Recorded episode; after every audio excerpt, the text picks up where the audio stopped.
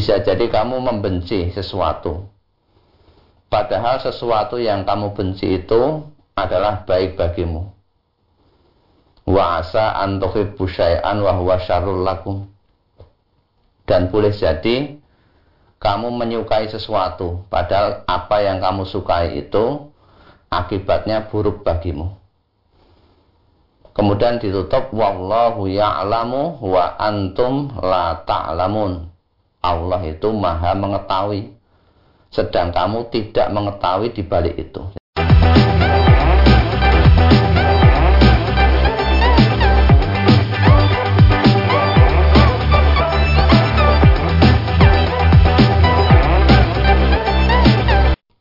Bismillahirrahmanirrahim. Assalamualaikum warahmatullahi wabarakatuh. Saudara pemirsa channel terpilih Anta TV Di mana pun Anda berada Puji syukur Alhamdulillah Senantiasa kita panjatkan kehadirat ilahi Rabbi Allah subhanahu wa ta'ala atas kenap karunia nikmat dan juga rahmatnya untuk kita semua di perjumpaan awal aktivitas pagi hari ini.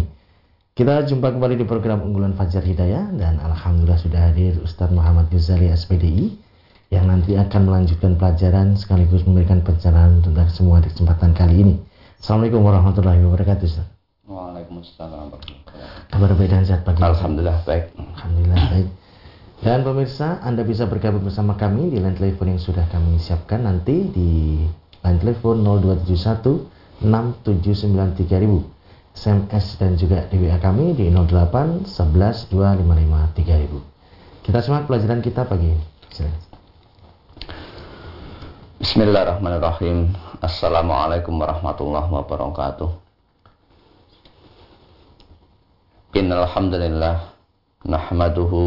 Wa nasta'inuhu wa nastaghfiruh wa na'udzu billahi min syururi anfusina wa min sayyiati a'malina. May yahdihillahu fala mudhillalah wa may yudlil fala hadiyalah Asyhadu an la ilaha illallah wahdahu la syarikalah wa asyhadu anna Muhammadan abduhu wa rasuluh. Allahumma salli wa sallim wa barik ala Muhammad wa ala alihi wa sahbihi ajma'in.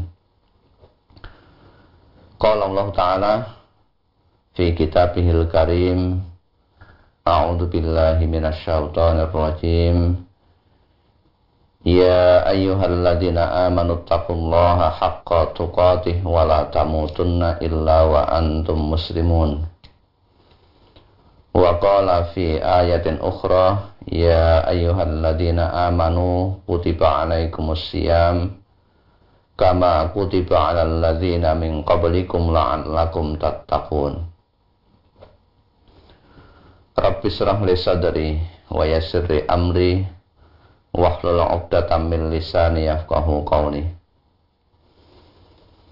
Alhamdulillah pada kesempatan pagi hari ini kita masih diberikan nikmat oleh Allah dengan nikmat yang banyak. Kita bisa melaksanakan sholat subuh sebagai wujud ketaatan kita kepada Allah SWT sebagai hamba. Karena memang Allah menciptakan manusia di antaranya dalam rangka untuk mengabdi untuk beribadah kepada Allah. Sebagaimana firman-Nya, "Wa ma khalaqtul jinna wal insa illa liya'budun." Tidaklah aku Allah menciptakan jin dan manusia melainkan untuk beribadah kepadaku. Sehingga aktivitas kita ketika hidup di dunia ini berusaha untuk selalu mentaati terhadap perintah-perintah Allah. Menjauhi segala larangan-larangannya. Karena di balik perintah dan di balik larangan itu ada kebaikan bagi hamba itu sendiri.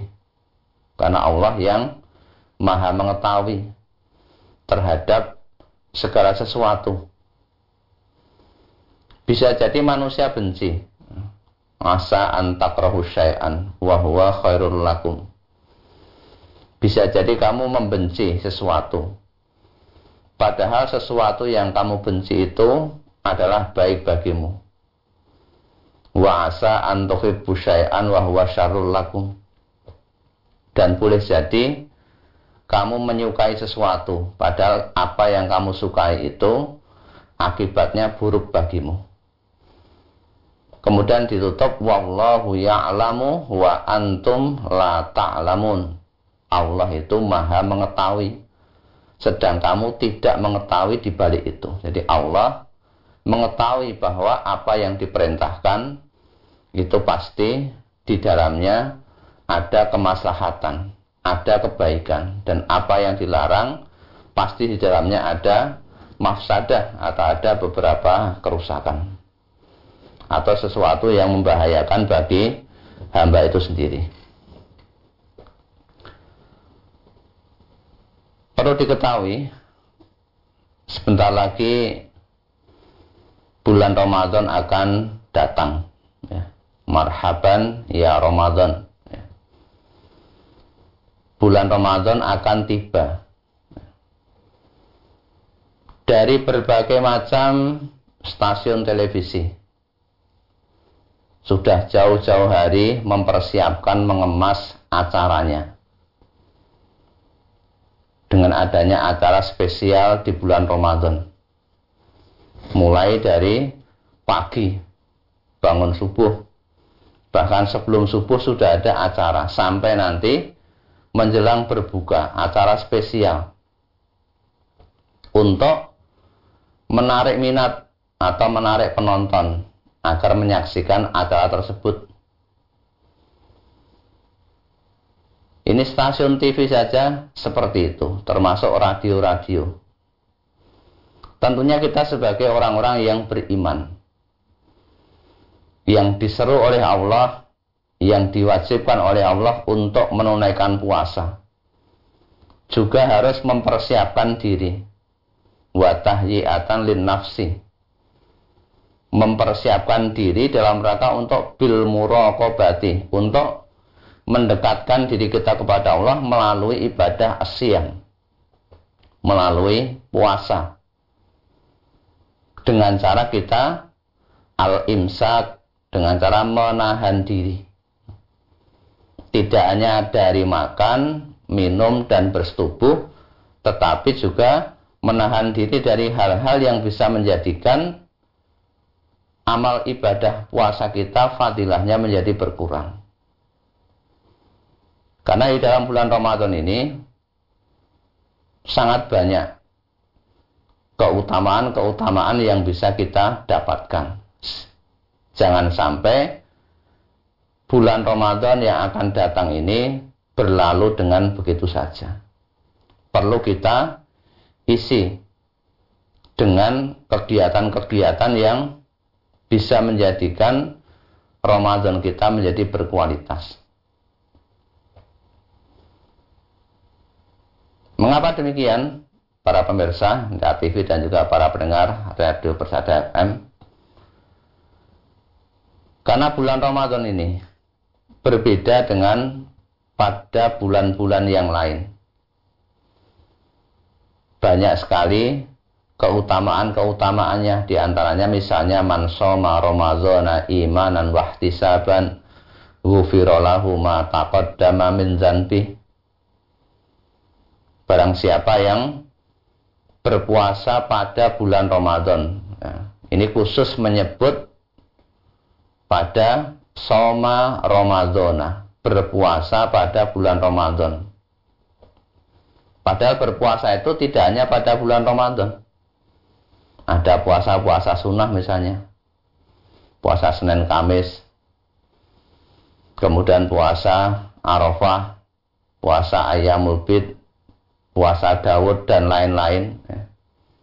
Tetapi khusus di bulan Ramadan ini kita oleh Allah diwajibkan selama satu tahun diwajibkan berpuasa selama satu bulan dalam rangka untuk memperbaiki diri kita untuk merecovery dari apa yang sudah berlalu selama 11 bulan Kalau itu kewajiban itu kutiba alaikumusiyam. Orang-orang yang beriman dipanggil, diseru, diwajibkan untuk mengerjakan puasa pada bulan Ramadan. Tentu mengandung maksud, mengandung tujuan. Kalau dilakukan dengan imanan, dengan dasar keimanan, wahtisaban dan juga mengharap ridha Allah. Ya. maka yang terjadi ghufirallahu ma taqaddama min zanbihi. Akan diampuni dosa-dosanya dari dosa yang sudah berlalu. Sehingga orang menyebut dengan kata ghufirallahu ini bulan Ramadan termasuk bulan yang penuh dengan maghfirah penuh dengan ampunan Apakah dengan mengerjakan puasanya atau dengan mengerjakan qiyamul lailnya? Dengan mengerjakan sholat malamnya. Karena di dalam sabdanya yang lain, Rasulullah juga menyampaikan man koma. Siapa yang berdiri. Berdiri yang dimaksud adalah melakukan qiyamul lail, melakukan sholat malam pada Ramadan juga pada bulan Ramadan. Imanan wahtisaban. Padahal sholat malam itu di luar Ramadan juga banyak tetapi ini dispesialkan dikhususkan. Siapa yang melaksanakan sholat malam pada bulan Ramadan? Karena didorong oleh keimanan keyakinan dan juga mengharap reza Allah sama. Ghufiralahu ma taqaddama min zanbihi akan diampuni dosa-dosanya dari dosa yang sudah berlalu. Dari sekarang tentunya kita harus punya planning. Punya rencana yang baik. Saya harus berusaha untuk melaksanakan qiyamul lail jangan saya meninggalkan walau satu hari pun ini harus ada cita-cita mulia yang seperti itu untuk memaksimalkan atau mengisi bulan Ramadan dengan baik. Bahkan puasa sendiri ini disampaikan oleh Allah melalui sabda Rasulullah bahwa kalau Allah jadi Allah berfirman dalam hadis qudsi kullu amali bani adama lahu. Setiap atau semua amal anak Adam itu untuknya, ya, untuk kepentingan kebaikan dirinya.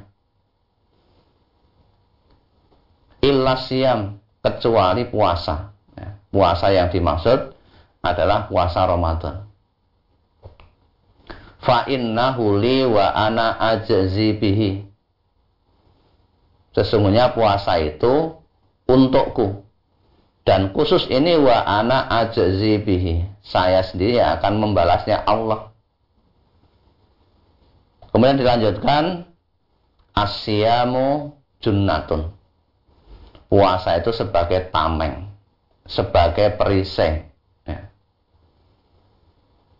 Perisai dari hal-hal yang tidak baik. Ya. Misalnya seorang pemuda yang sebetulnya sudah pengen nikah tapi belum mampu untuk menikah juga diperintahkan untuk berpuasa. Ya maksawat sabab manis tato amin kumul ba'ah falyatazawwad fa innahu aghadzu lil basari wa ahsanu lil fad fa in lam yasati fa alaihi bisyam atau bisau ya. Pemuda yang sebetulnya ada keinginan untuk menikah tetapi belum istitoah, belum mampu, maka diperintahkan oleh Nabi untuk menahan diri, untuk berpuasa. Lah puasa ini sebagai tameng, benteng dari hawa nafsu. Sehingga ketika orang berpuasa, faiza kana yaumi shaumi ahadikum, maka apabila salah seorang di antara kalian berpuasa pada suatu hari. Ya. Fala yarfus. Jangan berkata-kata rofas. berkata-kata keji, berkata-kata kotor, ya. misuh, bohong, dan sebagainya. Wala yashab dan juga jangan berteriak-teriak ya. Mengeluarkan kata-kata yang keras, kata-kata yang menyakitkan pada sedang berpuasa. Bahkan fa'in sabahu ahadun au qatalahu falyakul innimru'un imun.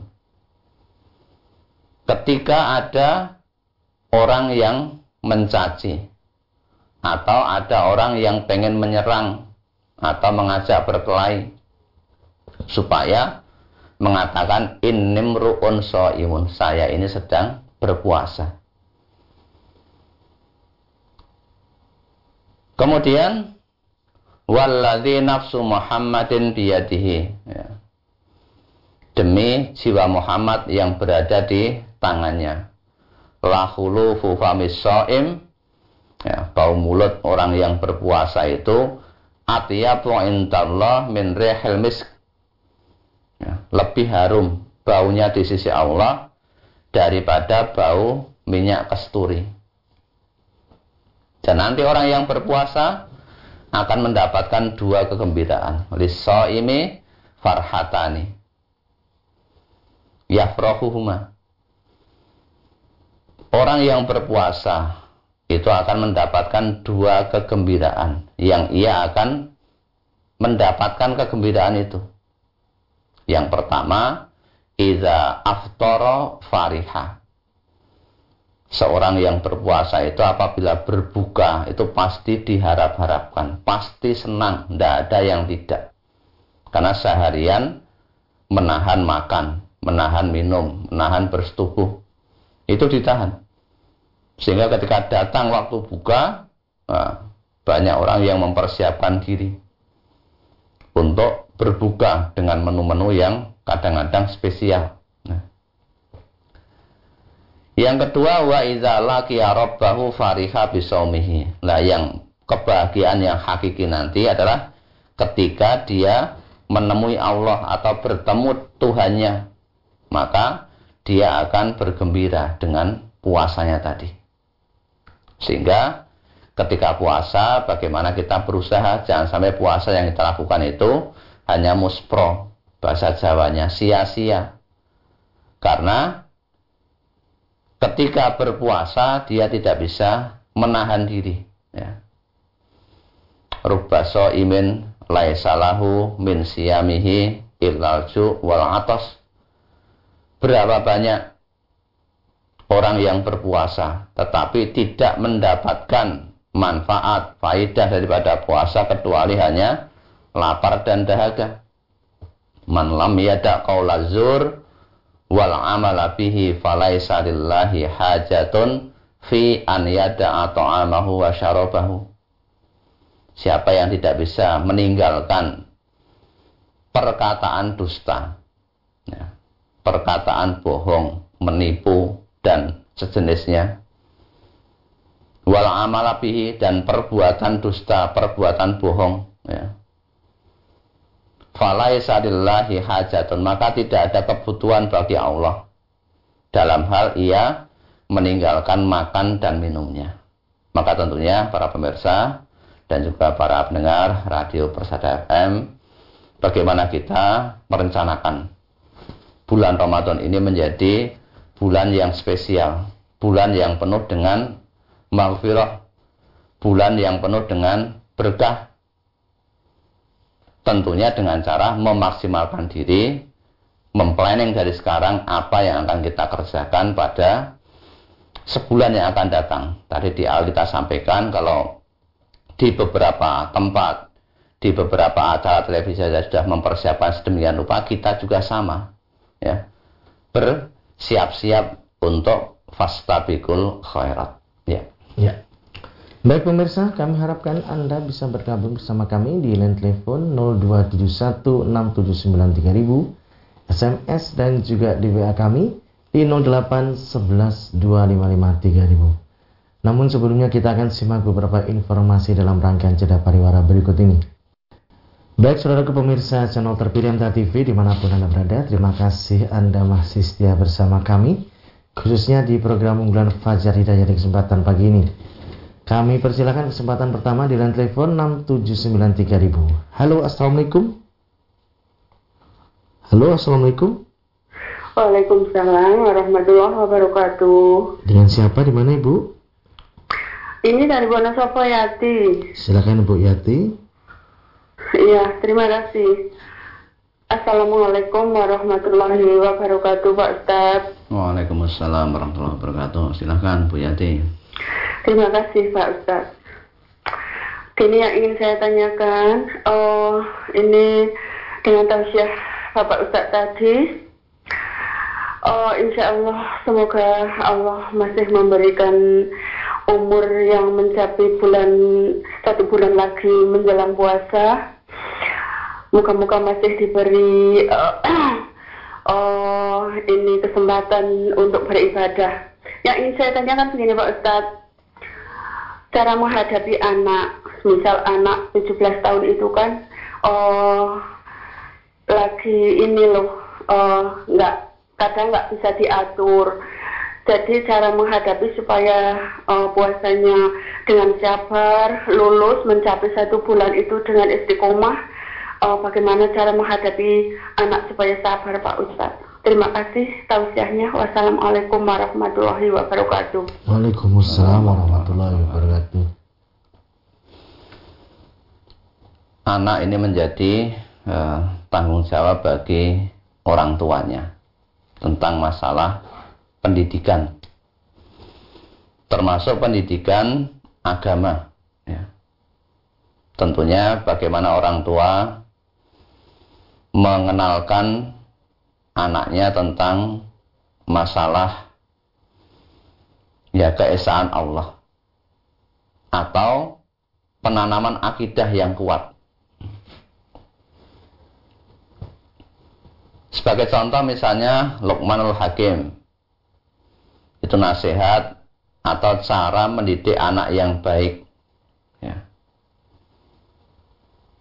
Wa izqala Luqmanul Ibnu ya bunaya la tusyrik billah inna syirka la zulmun azim. Ketika Luqman ini berkata menasihati kepada anaknya la tusyrik billah. Jangan kamu mempersekutukan Allah. Karena mempersekutukan Allah itu merupakan kezoliman yang besar. Nah, ini kan penanaman akidah yang kuat bagaimana anak disadarkan untuk melaksanakan kewajiban-kewajibannya kepada Allah. Melakukan sesuatu dorongannya karena mengharap ridha Allah. Ini ya harus dikenalkan dengan majelis-majelis taklim.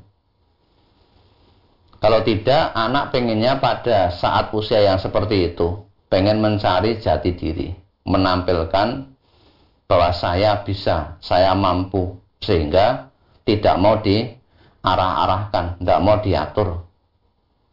Termasuk kaitannya dengan masalah puasa Ramadan ini. Maka ibu perlu ya mencarikan teman. Teman-teman yang baik yang membersamai yang mendorong untuk melakukan hal-hal yang baik barangkali mungkin pada bulan Ramadan itu ada istilahnya camp tahfid di tempat untuk melakukan tahfid di salah tempat mana. Itu mesti bergaulnya dengan orang-orang yang baik. Kalau kita sendiri mungkin tidak mampu. Atau anak kalau itu anaknya laki-laki misalnya itu mengikuti etikaf di 10 malam yang akhir. Ini pasti kelompoknya orang-orang yang baik. Sehingga ibu lebih mudah. tetapi untuk mengajak anak bisa mengikuti seperti itu ya tidak gampang. Ya, ya kita arahkan saja sehingga puasa yang kita lakukan ya betul-betul bisa mencapai derajat sebagai orang-orang yang takwanya bertambah. Dan anak diajak untuk berdiskusi, diajak ngomong bagaimana baiknya. Ini karena butuh kesadaran. Kalau tidak sadar ya hanya takutnya karena perintah dari orang tua. Ya. Ketika orang tuanya tidak ada, ya kembali melakukan hal-hal yang semaunya sendiri tadi. Maka perlu diarahkan, didorong untuk dicarikan teman atau lingkungan yang baik tadi. Sehingga anak e, dengan lingkungan yang baik tadi juga termotivasi untuk bisa melakukan amal-amal soleh. Baik. Kita bacanya ada di WA Ustaz dari Ibu Siti di Karanganyar terkait sholat jamaah Ustaz. Mohon penjelasannya.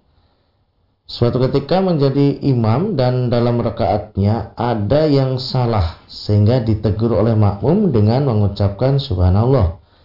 Yang seharusnya itu duduk atahiyat awal akan tetapi imam berdiri namun posisi imam berdiri tersebut belum sempurna atau belum sampai bersedekap.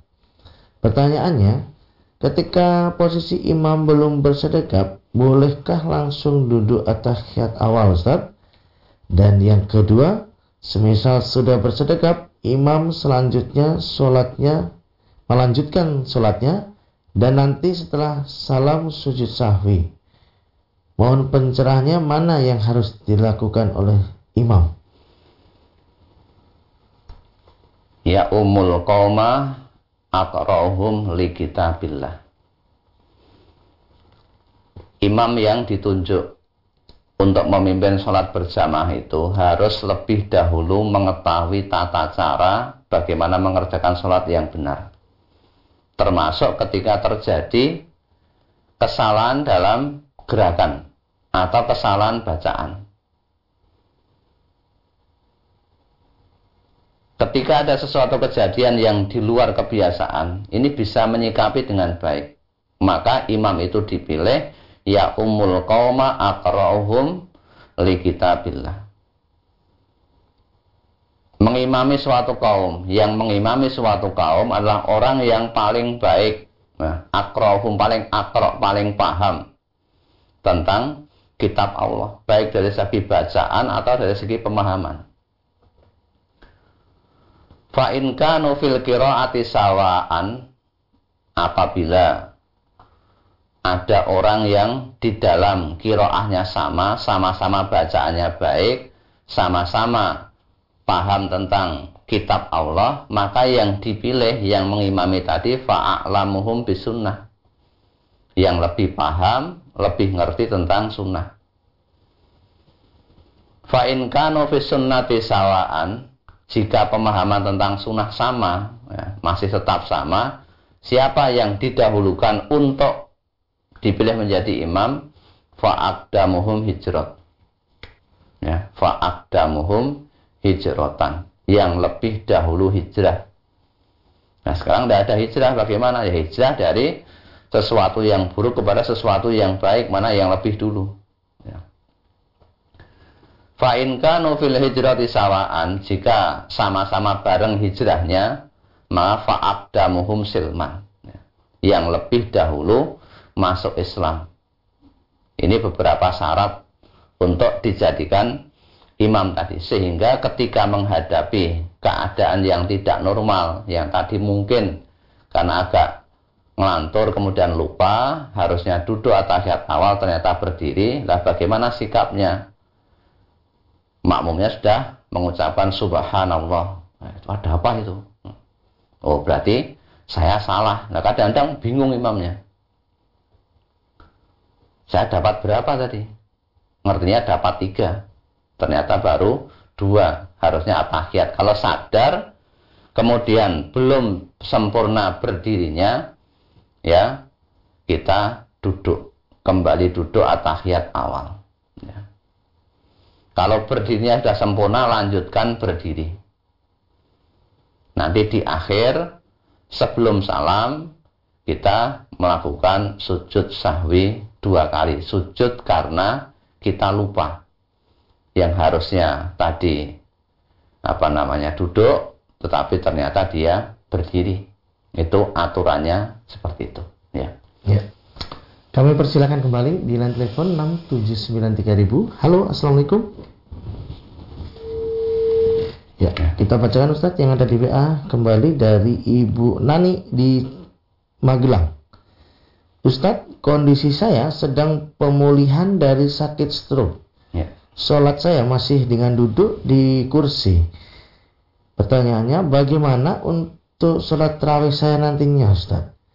Bolehkah dengan terawih sendiri di rumah?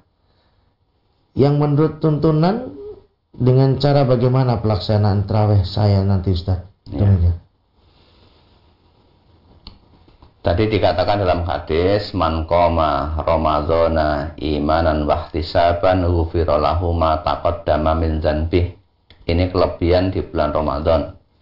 Apabila seseorang berdiri atau melakukan sholat malam pada bulan Ramadan karena didorong oleh keimanan dan harapan pahala dari Allah, akan diampuni dosa-dosanya dari dosa yang sudah berlalu. Nah, ibu tadi sakit stroke, pemulihan, kemudian belum bisa berdiri dengan sempurna. Ya boleh sholat dengan duduk. Ya.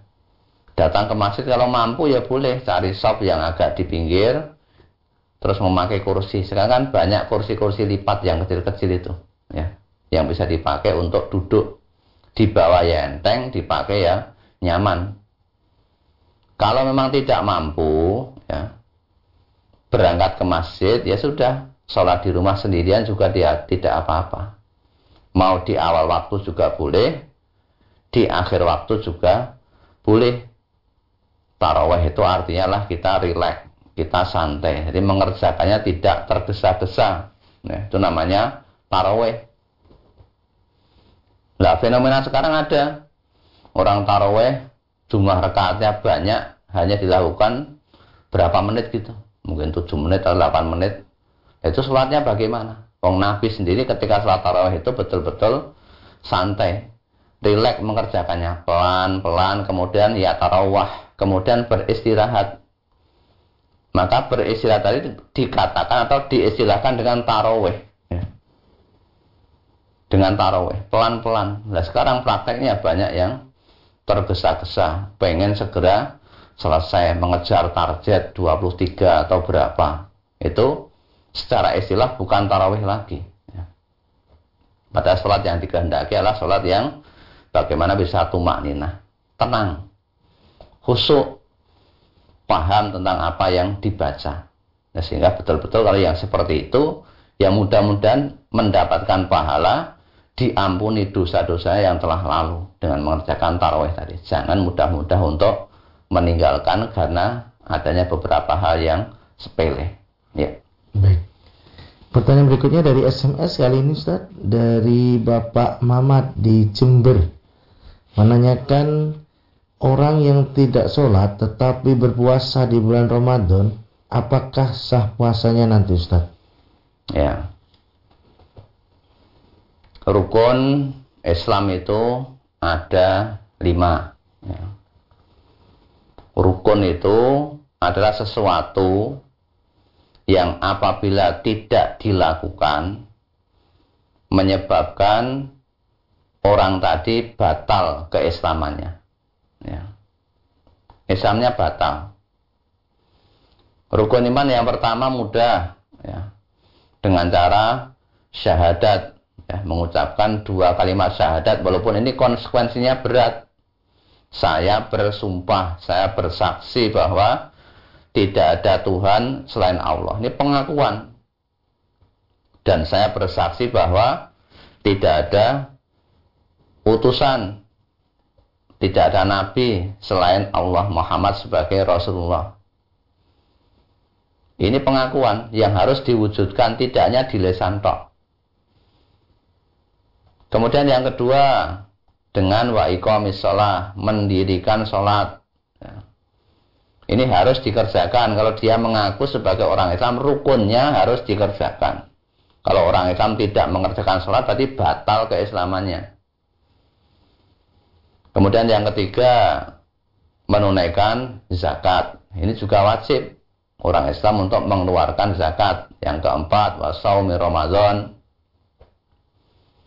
berpuasa pada bulan Ramadan. Ini ada kaitannya.